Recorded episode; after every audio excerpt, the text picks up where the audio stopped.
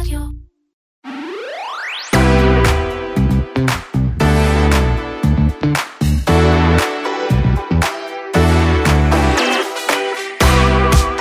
מנוע הבינה המלאכותית דלי 2, שמסוגל לייצר איורים ותמונות וציורים די מדהימים מתיאור מילולי קצר, סחף את האינטרנט במיוחד בתקופה האחרונה, בשבועיים האחרונים, מאז שהגישה שלו נפתחה בצורה רחבה. אבל ויקי אוסלנדר, כתבת כלכליסט, אומרת, יש לו גם צד אפל. כל היכולות האלה בנויות על גב של מאות אלפי, מאות מיליוני יצירות של מאיירים ומעצבים אלמוניים, שמנוע בינה מלאכותית פשוט גנב מהם, שאל מהם, ואיבד מחדש. כמה יצירתיות באמת יש שם, וכמה זה פשוט העתקה מאומנים אנושיים, אנחנו נדבר על זה היום בתוכנית.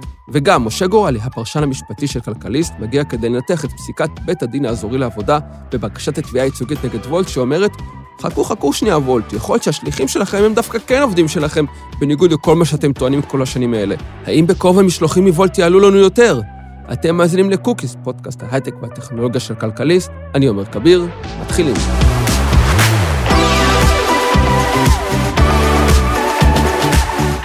לפני אה, שבוע, בערך שבוע וחצי, קיבלתי סוף סוף גישה לדלי 2, אה, מנוע הבינה המלאכותית שמחולל אה, תמונות או איורים לפי אינפוט, לפי קלט טקסטואל שכותבים לו. עשה הרבה רעש באינטרנט, בסוף קיבלתי גישה, והתחלתי לשלב את זה בכתבות שאני עושה כאיזה אלמנט כזה ויזואלי נוסף לטקסטים שאני כותב. והייתי מאוד מרוצה מעצמי, עד שבאה ויקי אוסלנדר, כתבת כלכליסט, וכתבה שהדלי 2 לא כל כך תמים כמו שהוא נראה, נכון, ויקי?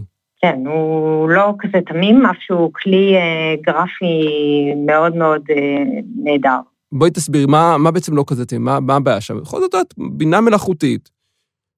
אנחנו מכירים כבר את הבעיות של הבינה מלאכותית, אבל מה, מה, מה יוצא דופן בדלי? אז אה, האמת, אה, בצורה אה, מהותית הוא לא שונה מכלים אחרים של בינה מלאכותית, כולם מבוססים על שיטה כללית שצריך להזין איזושהי מערכת, איזשהו מודל בנתונים, כדי שהמערכת תוכל ללמוד מהנתונים האלה, ואז להפיק מאלו כל מיני הסקות סטטיסטיות ותובנות שונות, ואז תלוי איזה מוצר אנחנו רוצים להפיק.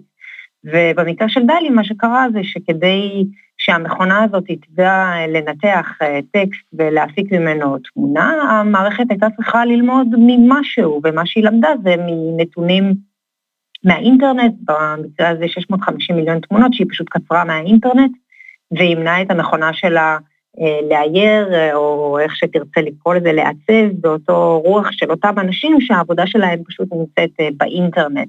לא בהכרח מותרת לשימוש מסחרי, אבל בהחלט נמצאת שם לשימוש הוגן, ואני בעצם מנסה לדבר על השאלה האם זה בסדר שמערכת כזאת היא פשוט תקצור את כל הנתונים האלה ותעבד אותם ותציג אותם כשלה, כאיזושהי יצירה חדשנית, ומה בעצם אנחנו, יש לנו להגיד על כל האנשים ש... עבדו מאוד קשה כדי לייצר את התוכן הזה מלכתחילה. אני, בוא נלך דווקא בהפוך, אני אגיד לך למה אני חושב שזה בסדר, ואז תסביר לי כמה אני טועה. אמ, לדעתי זה, אין עם זה שום בעיה, כי בכל זאת, כמו שאמרת, יש אה, קונספט כזה בעולם זכויות היוצרים שנקרא שימוש הוגן, ושימוש הוגן מאפשר לך לעשות ריפוד, לא בדיוק ריפוד, אבל מאפשר לך לעשות יצירות בהשראת יצירות אחרות, ללמוד מיצירות אחרות. זה כמו אומן שאומר, אני רוצה לעשות יצירה בהשראה של וינסנט ואן גוך, או אומן אה, אחר יותר מודרני, אה, בסך הכל לגיטימי בעולם האמנות, רק שהפעם עושה את זה מחשב במקום בן אדם. אז דבר ראשון, אני לא לגמרי בטוחה שזה לא לא בסדר או לא בסדר. זאת אומרת, אני חושבת שזאת שאלה שצריכה להישאל, אה, ושאנחנו צריכים, כשאנחנו רואים את, ה, את, את היצירות האלה במרכאות, אנחנו צריכים כן אה, להיזכר בעבודה האנושית שנמצאת מאחוריהם. אה, עכשיו, בנוגע לשימוש הוגן, אה, התפיסות האלה של שימוש הוגן לא נוצרו במחשבה למודלים של בינה מלאכותית שפשוט יקצרו את כל, ה, את כל הדאטה הזה ויפיקו מוצר חדש שממנו כן עושים אה, כסף במעריך השני או השלישי. אז בעצם השימוש ההוגן זה שיטה שמשתמשים בה כדי לעקוף היום אה, רעיונות אה, של זכויות קניין, ואני לא בטוחה שזה ראוי שאנחנו נעקוב בצורה הזאת אה, רעיונות של זכויות קניין. שוב, אפשר לדבר על זה, אבל כשדלי שתיים מציג עבודות כאילו היו שלו, כאילו הן מקוריות, כאילו, כאילו הן מקוריות, כאילו הן יצירתיות, אבל בעצם לפעמים זה ברור איזה סגנון הוא מחכה, זה ברור את מי הוא מעתיק, אני לא בטוחה שלזה המשורר התכוון כשהוא אמר שימוש הוגן. יש אומנים שכבר זיהו שדלי מעתיק מהם שהתרעמו על כך, שאומרים זה לא בסדר שהוא ישתמש בקניין הרוחני שלי? כן, יש אמנים כאלה, בעיקר מעצבים גרפיים, אה, זה קרה, יש כמה תלונות כאלה בארצות הברית, אה, ואין להם שום ריקורס, זאת אומרת, אין להם שום דבר לעשות עם זה, ואז באמת נשאלת השאלה אם האומנות של דלי היא יצירתית, היא חדשנית, או שהיא פשוט גניבה. וזה מצחיק שהזכרת ספציפית מעצבים גרפיים, כי דלי 2, בעצם ההוויה שלו מאיים על המעצבים האלה, וכבר כשהתחלתי להשתמש בדלי, ואת גם היית חלק מהדיון הזה בטוויטר, כמה מעצבות גרפיות אמרו שכלכליסט הפסיק להשתמש במאיירים, זה... ובצדק אה, מבחינתן, אמרו שיש כאן איום על הפרנסה שלהן. זאת אומרת, דלי גם משתמש ביצירות של אומנים, וגם בעצם הפעילות שלו שוללת את הפרנסה העתידית. יש כאן איזה משהו קצת אירוני. כן, אה, ואני אה, בתגובה לדיונים האלה מציינת כל הזמן את המאייר שעובד איתי, יונתן פופר, שהוא מאייר מאוד מאוד מוכשר, ואני כרגע לא יכולה לזהות את היכולת של דלי לקחת משפט אחד אה, מאוד לא קוהרנטי שלי, להפיק ממנו משמעות, ואז לייצר משהו שלא לא דמיינתי אותו בכלל. זאת אומרת, דלי צריך להבין, כמו כל מערכת בינה מלאכותית, לא מבין משמעות. הוא רק יודע לעשות מן הסקה סטטיסטית ולצפות מה היינו רוצים לראות בהתאם לטקסט שאנחנו מזינים, וגם צריך לזכור, הטקסט הזה כל כך חשוב שהוא יהיה מדויק, וגם אנחנו דיברנו על זה בחצי מילה לגבי הציור או התמונה שאתה השתמשת, שניסית והרגשת שלא קיבלת בדיוק מה שרצית ספציפית, אז היום ברור שכדי שדלי יצליח להפיק משהו שאיכשהו דומה למשהו שאתה מדמיין, אתה צריך להיות נורא נורא מדויק באיך שאתה מנסח את עצמך. אפילו, אני לא יודעת אם שמעת את זה, אבל נפתחו כמה סטארט-אפים קטנים שמציעים את השירות ניסוח הזה תמורת איזה mm. דולר 99, כדי לחסוך מאותו בן אדם את השאילתות, כי השאילתות הן מוגבלות לדלי 2. אז בעצם, קשה לראות איך דלי כרגע הוא איזשהו כלי שיכול לקחת מהערים מוכשרים שמבינים שפה, משמעות, שיכולים להפיק ממנה דברים שהם לא צפויים, להבדיל מדלי שיכול להפיק רק את הדבר הצפוי, לא את הדבר המפתיע. וההתרעמות, נראה לי, היא בדיוק הנקודה שאני מנסה לדבר עליה בטקסט, במובן הזה ש... המערכת הזאת היא לא באה לקחת את העבודה, היא לא תוכל לקחת את העבודה של המאייר בגלל שהיא ממש מחליפה אותו, אלא היא לוקחת את העבודה אולי של המאייר בגלל שהיא פשוט מעתיקה אותו, היא לא מחליפה אותו, היא מעתיקה את העבודות של האנשים אחרים ומציגה את העבודות האלה כאילו שהם היו שלה. וזו שאלה באמת איך אנחנו מתמחרים עבודה, מה אנחנו רואים כיצירתיות. העבודה של יונתן פופר היא הדבר היצירתי, או איזשהו מישהו שכתב מודל לבינה מלאכותית, שהיא יכולה לקחת את העבודה של יונתן פופר, לעשות לה איזשהו עיבוד, להוציא אותה נקייה מזכויות יוצרים ולהציג אותה חדשנית. האם זאת תהיה העבודה שאנחנו מעריכים? אני רוצה קצת להעמיק יותר מה שאת אומרת, שזה אפילו לא להעתיק, זה לא סוג של העתקה שאת אומרת שיש כאן משהו שנחזה למקור, זה בדרך כלל, אה, זה כמו העתקה של קלטת אנלוגית, שזה הרבה פחות טוב מהעותק המקורי. זה לא שאת מקבלת משהו שהוא, ב, שהוא באיכות כמו של יונתן פופר, את מקבלים משהו הרבה פחות טוב, וגם אני מבחין בזה שאני משתמש בזה בשבוע האחרון. התוצאות לא כאלה מרשימות, זאת אומרת, אם אה, אני משתמש בזה גם בטקסטים שבכל מקרה הם לא מאוירים, זה לא שזה מחליף מאייר אנושי, ולא הייתי רוצה להחליף שזה מאייר אנושי, כי אין איזה, כי זה לא טוב כמו מאייר אנושי, כמו שאמרת, זה הרבה הרבה פחות טוב, אבל מצד שני, אנחנו צריכים לזכור גם שבינה מלאכותית, אה, או טכנולוגיה בכלל, היא מתקדמת, היא מתפתחת, ומה שהיום הוא הרבה פחות טוב, יכול עוד עשר שנים כן להחליף את יונתן פופר אולי. או שאולי דווקא אין שם אפשרות, אולי דווקא בתחום הזה בינה מלאכותית לא תצליח להחליף את, היצירות, את היצירתיות האנושית. מה את חושבת? זאת זה ממש שאלת, אה, לא יודעת אה, מה הגודל של השוק הזה, אבל כמה מיליארדי הדולרים. באמת, יכול להיות שדלי 2 הוא, הוא באמת, אין מצב שהוא יחליף מהעירים, אבל אולי דלי 9, דלי 10, יהיה... אה, באמת אה, מערכת מספיק משוכללת כדי להפיק משמעויות ברמה שאנחנו לא יכולים לצפות אותה. צריך לזכור שמערכת בינה מערכות בינה מלאכותית, יש להן אה, שני צדדים מאוד מובחנים. דבר אחד, הן יכולות ללמוד הרבה יותר ממה שאי פעם אנחנו נוכל ללמוד, ממה שאי פעם, שום אי פעם איזשהו מאייר יוכל לדעת, אבל מצד שני, הן גם אף פעם לא יוכלו לדעת את מה שמאייר אי פעם יוכל לדעת. זאת אומרת, אינטואיטיב, אה, הם לא יכולים, יש דברים שהם מעבר ליכול, על היכולת של המודלים האלה. זאת אומרת, תמיד יהיה בהם את הכי הרבה, אבל גם מחסור מאוד גדול, שהוא המחסור האנושי. האם אי פעם נחצה את, את החסם הזה והם יצליחו להבין דברים שילד בן שמונה מצליח להבין, אבל מערכות בינה מלאכותית לא מצליחות להבין? אולי, אבל אנחנו ממש לא קרובים לשם כדי להבין את זה. אה, זה פשוט באמת שאלה של, זה כבר עתידנות, ואני פחות... יודעת להעריך את זה, אני יודעת להגיד אבל שהיום אנחנו לא קרובים להיות במקום הזה יותר ממה שהיינו קרובים אליו לפני 70 שנה. זה לא אומר שוב שזה לא יקרה, אבל כרגע אני לא רואה את המערכת הזאת שמצליחה פתאום להבין משמעות, להבין ניואנסים בצורה שבן אדם יכול להבין אותה. ויקי, תודה רבה. תודה רבה, עומר.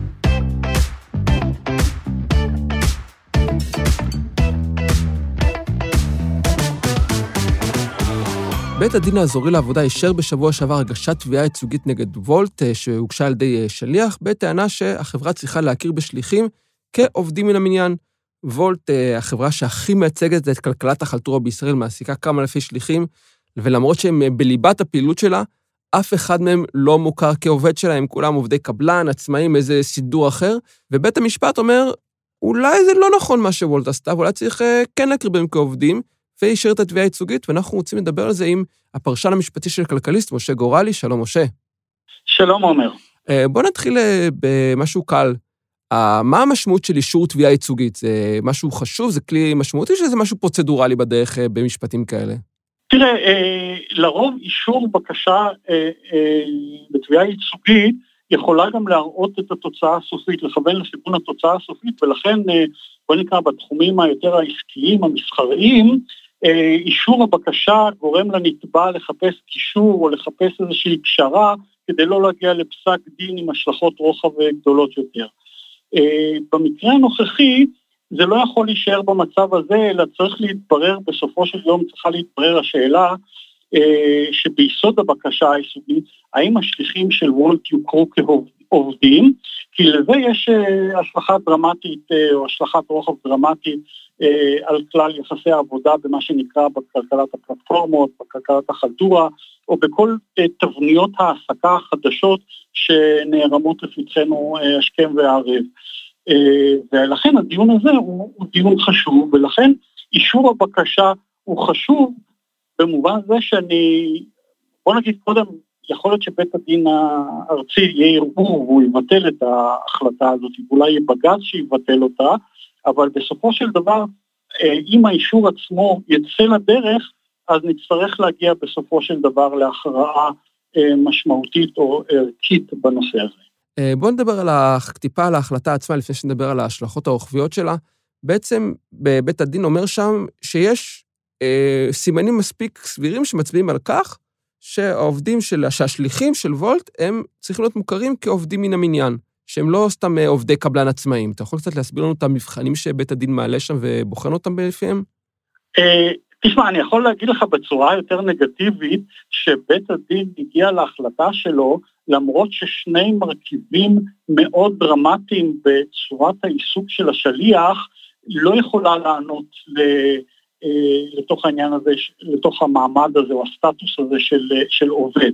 אחד, אה, שהשליח יכול לסגור את האפליקציה בכל זמן שהוא, זאת אומרת, הוא יכול להגיד למעביד שלו או למעסיק שלו, כרגע לא בא לי לעבוד, תעזוב אותי, כן? שזה איזשהו אה, אה, זיקה אה, שלא מוכרת ב, ביחסי עבודה רגילים. והדבר השני, הוא גם יכול לעבוד אצל אחרים, כולל אצל המתחרים. עכשיו, אה, בהינתן שני אלה, למרות זאת אמר בית הדין, ש... יש אה, שהשליחים עונים על מה שנקרא מבחן ההשתלבות, זאת אומרת הם כן משתלבים בתוך מערך העבודה של וולט, או כמו שאומרת את זה השופטת, בלי השליחים אין וולט, זאת אומרת השליחים הם הם המסד והתשתית הארגונית, התעסוקתית, להוצאה לפועל של התכלית של העבודה שוולט אה, עובדת. וולט היא כלכלת שיתוף, היא משתפת בין הלקוח לבין המסעדה ולבין השליחים שהם עצמם מעבירים את האוכל מצד לצד, אבל הם עצמם הם האנשים שמשתמשים באלגוריתם של, של וולט, ולכן הם כפופים לאלגוריתם הזה, בין אם הם אה, מתנתקים או בין אם לא, הם עדיין מהווים את ליבת מה שנקרא כוח העבודה או, או מוצאים לפועל את, ה, את התכלית התעסוקתית של וולט. אז לכן אה, אפשר לסכם בשורה קצרה את שאלתך, שבית הדין מתח מה שנקרא את מבחן ההשתלבות, את המבחן המעורב שבו נבחנים יחסי עובד מעסיק, כן, והכיל אותם במקרה שהוא מאוד גבולי, והוא אפילו קצת פטרנליסטי, אבל זה תמיד הייתה הטענה כלפי בתי, העבודה, בתי הדין לעבודה, שהם פטרנליסטים שמכילים על צדדים מערכות יחסים שהצדדים עצמם לא בהכרח התכוונו אליהם. וזה מוסיף לדיון הקודם שלנו גם את השאלה של מה עם אותם עובדים בוולט שלא רוצים להיות בתוך ה... אתה יודע, הרי בתוך, בתוך, בתוך הדיון המשפטי הובא אה, עובד שאמר שאני לא רוצה להיות בתוך התביעה הזאת. זה היה אותו עובד שהתחיל לעבוד אה, בוולט אה, בערך שבוע לפני שהגיש את העמדה שלו לבית המשפט? או שזה היה אחד מהאחרים שם? כן, כן, אני לא זוכר, קוראים לו ג'רמי אזולאי נדמה לי, וזה נכון שהתביעה הוגשה על ידי בן אדם שעבד כשנתיים, שזה גם ארוך מהממוצע של התעסוקתי הרגיל. זאת אומרת, אבל אלה שוב, זה שאלות שאני נכנס לרזולוציות שהתבררו בהמשך, אם הבקשה תגיע לבירור סופי, אה, תשאל גם השאלה על ההומוגניות של, של העובדים, הרי מדובר פה בעובדים מסוגים שונים, עובדים שעובדים בעבודות אחרות או שלא עובדים, עובדים בהיקפי משרה כאלה ואחרים, זאת אומרת, יהיו עוד הרבה תחנות בדרך שיצטרכו להתברר, אה, ובסך הכל מונחה פה איזושהי תשתית לשאלה העקרונית, אבל הבירור של אותה שאלה עקרונית, האם באמת חלים היחסים האלה, היא עוד ארוכה. כי יש עוד הרבה מאוד שאלות שאנחנו צריכים לברר אותן. אני רוצה לשאול אותך, אמ, חוץ מהעניין הכספי, שברור שאם אה, תכיר בהם כעובדים אה, מן המניין, זה יעלה לה הרבה יותר כסף, זו אולי נגיד טיפה מאוחר, יש איזה קושי משפטי שמונע מוולט, אם היא רוצה בכך, להכיר בעובדים, בשליחים שלה, כעובדים, אה, כמי שיש לה את היחסי עובד-מעביד, פשוט לתת להם את כל התנאים ועדיין להמשיך להפעיל אותם במתכונת הנוכחית שהיא מפעילה אותם? תראה, השאלה שאתה שואל כרגע היא בעיניי יותר שאלה כלכלית מאשר שאלה משפטית. אה, אה, אני לא יודע באיזה מידה, אגב, רק אני לתקן, גם אני עשיתי את השגיאה במאמר שלי, היום כבר לא משתמשים במושג עובד מעביד, אלא עובד מעסיק. אוקיי. Okay. אז לכן אני אומר, אה, ברור שעלויות ההעסקה מאוד מאוד אה, יעלו, ואני לא יודע איפה האקסלים של אה, וולט יעבירו אותם מרווח להפסד, אם הם יצטרכו לשלם את כל מה שכרוך בהכרה בעובדים כעובדים, שזה כולל פיצויי פיטורים ופנסיה ובריאות ודברים מהסוג אחר. אז לכן אני לא יכול לענות לך, ואני לא יכול לענות לך גם על השאלה האם וולט תחליט לסגור את הפעילות בישראל בגלל זה, אה, או, ומה המשמעות שאם היא תכיל את העובדים על עובדי וולט בכל העולם כולו, שיראו את, ה, את הפסיקה הזאת וינסו להגיע להישגים האלה גם שם. אז זה מערך שלם של שיקולים שהם גם כלכליים. מה שכן, אני יכול להגיד ש... המשפט הישראלי לא מכיר במה שנקרא בתבניות ביניים, שזה אתה או עובד או אתה לא עובד. ובאובר אה, כבר היה פסק דין לגבי עובדי אובר אה, בשנת 21, שהחילו איזה סוג של מודל היברידי, שאתה worker אבל אתה לא employee. זאת אומרת, אתה עובד... זה לא בארץ. מה? זה לא בארץ, זה בבריטניה, לא, נכון? לא, לא בארץ, זה הוכר לגבי אובר, אבל לא מן הנמנע שגם ישראל בישראל אנחנו תמיד צעד וחצי אחרי העולם, יכול להיות שישראל גם תקלוט את המודל הביניים הזה, שבו עובדים יזכו לחלק מההטבות הסוציאליות שנלוות בהכרה בעובד, אבל לא בכולם. זאת אומרת, משהו שיאפשר איזושהי אה, הטלת אה, עומס כלכלי, אבל לא גדול מדי על, על וולט, ומודל ביניים כזה ש, שכנראה אה, הולך ותופס בעולם, גם מתקיים פה לגבי אה, סוגי ההעסקה הזאת של מה שאתה קורא אה, כלכלת החלטורה, כן. אני, אני מודה שאני קצת, כן, אני מודה שאני קצת אה, ככה מתלבט לגבי מודלי הביניים האלה שאני מכיר אותם באמת. אני אגיד לך מה אני חושב לגבי וולט באופן כללי, וכבר הזכרת את האפשרות שאולי הם יעזבו את ישראל אם יחייבו אותם להכיר את בשליחים כעובדים שלהם. והתפיסה שלי היא שאם אתה מפעיל שירות אה, ואתה לא יכול לתת למי שעומדים מאחורי אה, רכיב הליבה בו, אה, תנאי עבודה הוגנים, תנאים סוציאליים, כל הזכויות שמגיעות להם בשוק העבודה הישראלי, ואתה אומר, אם אני צריך לתת להם את הזכויות האלה, אני לא אוכל לפעול, אני צריך, נהיה בהפסד, אני צריך לעזוב את השוק, אז אז באמת עדיף שתעזוב את השוק, עדיף שלא תהיה כאן אם אתה לא יכול להפעיל שירות שבו העובדים שלך הם עובדים אמיתיים. כי אחר כך יבואו אנשים ויעשו את זה גם במקומות אחרים, יבוא בעל מפעל, יבוא בעל עיתון, יגיד גם, לא צריך לתת להם, אם וולט יכולים, גם אני יכול. תראה, אני, אני אשיב לך ככה, אה, אני דווקא, אני יכול גם להסכים איתך, אבל זה לא יהיה מעניין אם אני אסכים איתך, אז אני אנסה לאתגר אותך דווקא בנקודה הזאת.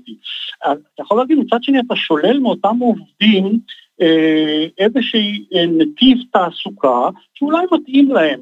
כי אתה יודע, הרי חלק מהחבר'ה שעובדים בוולט עובדים בעוד עבודות, והם אוהבים לשלב פה, אוהבים לשלב שם, עובדים וולט מאפשרת להם למשל, כמו שאמרתי לך קודם, לא לעבוד כשהם לא רוצים, לעבוד בעבודות אחרות. אני לא מכיר הרבה מאוד מעבידים שיסכימו לצורת ההעסקה הזאת. זאת אומרת, וולט מציעה לך, לשליחים שלה, איזושהי צורת תעסוקה שמאפשרת להם אה, אתה יודע, כמו שהשתמשתי בדוגמה הזאת, היום אנשים לא רוצים לעבוד משמונה עד עשר, אה, משמונה בבוקר עד שמונה בערב, להעמיס מזוודות בנתב"ג, אז הם הולכים לאיזשהם תעסוקות שהם קצת עם הלפטופ, קצת במשרד, קצת שליחים בוולט, מאפשרים להם לבנות להם איזושהי מערכת תעסוקתית מסוימת שוולט מאפשרת להם. ויכול להיות שאם לוולט לא יהיה כדאי, אתה, אתה יודע, הנושא הזה הגון או לא הגון, אני משאיר כרגע בצד בשנייה. אה, וולט מציע להם איזושהי צורת תעסוקה שמתאימה להם, וברגע שוולט אה, אה, תיאלץ לסגור את זה, כי הוא עמס עליה כל הנטל הזה של היותה מעסיק עם כל החובות, ולא יהיה כדאי לה לעשות את זה, אז היא תסגור את זה ותיסגר בפני אותם חבר'ה איזושהי דרך צורת תעסוקה. אבל מצד שני אפשר לבוא ולהגיד, יש זכויות שהמחוקק קבע שעובד לא יכול לוותר עליהן. כמו שעובד לא יכול להגיד, אני מוותר על שכר מינימום, אני מוותר על חופשה שנתית, וכאן באה וולט ואומר, מאלץ את העובדים שלה לוותר על זכויות שמעסיק קבע שעובד לא יכול לוותר עליהן. אז אל תעבוד שם, אל תלך לעבוד שם. לא, זה לא עובד ככה. אף אחד לא מכריח אותך לעבוד שם. זה לא עובד ככה בחוק הישראלי. מעסיק לא יכול לשלול לך זכויות ואז יגיד אל תעבוד שם. מעסיק חייב לספק לך זכויות מסוימות. לא, לא, לא. אני מבין. מה שאתה אומר, אני אחדד את מה שאתה אומר. אה, אה, עובד במערכת הישראלית זה סטטוס, אתה לא יכול להתנות עליו, הזכויות הן קוגנטיות, הזכויות הן מגיעות לך מעצם הסטטוס שאתה נמצא בו ואתה לא יכול אפילו להתנות עליו. כל זה נכון, אבל עדיין צריך להתקיים איזושהי מינימום זיקה בין עובד לבין מעסיק כדי שאתה תהנה מהזכויות האלה, ווולט באה ואומרת, אני מקיימת פחות מהמינימום הזה שנדרש, זאת אומרת, אני נותנת לך כל כך הרבה חופש בצורת ההעסקה כדי לפתור אותי, וולט, כמעסיק, מכל הזכויות האלה שאני צריכה לתת. זאת ההצעה שלהם. אם המשפט הישראלי ידחה אותה, וזה לגיטימי, אני לא בא ומתווכח כרגע לגבי צדקת ה... צדקתה של וולט או לא צדקתה, אבל אם אה, בית המשפט הישראלי אה, יקבל את זה וולט תסגור את ההעסקה שלה, אז אה, אתה יודע, אז אה, נוכל להגיד שנעשה פה צדק עם העובדים, אבל הרבה מאוד עובדים תכסה ביניהם צורת העסקה מסוימת שהייתה מקובלת עליהם, בגלל שהחלנו עליהם מה שנקרא במרכאות את הפטרנליזם השיפוטי, אוקיי? עכשיו הפטרנליזם. הפטרנליזם השיפוטי הוא מאוד חיוני באמת להגנת עובדים שמעבידים רוצים להתנער מהם שלא בצדק. כל מה שהיה סימן השאלה בסיפור שלנו, האם כאן זה בצדק או שלא בצדק, בגלל הרף הכל כך נמוך של הזיקה בין העובד לבין המעסיק שלו. זה כל הדיון, אם אנחנו מוצאים את הפטרנליזם השיפוטי שמגן על עובדים גם אל מערכת יחסים שהייתי אומר שהיא גבולית ומטה מזה מבחינת כל מה שאנחנו מבינים כשאנחנו מדברים על מקום עבודה. משה, נקודות מאוד מעניינות, אני מניח שבסופו של דבר מי שיכריע יהיה בית המשפט בסוגיה הזאת. תודה רבה. בבקשה. אלו היו ה cookies שלנו לשבוע, תודה לאופיר גל מסוף ה Sound Studios. אני עומר כביר, אם אהבתם, חפשו אותנו באפל פודקאסט, גוגל פודקאסט או ספוטיפיי וירשמו אלינו להתראות בפרק הבא.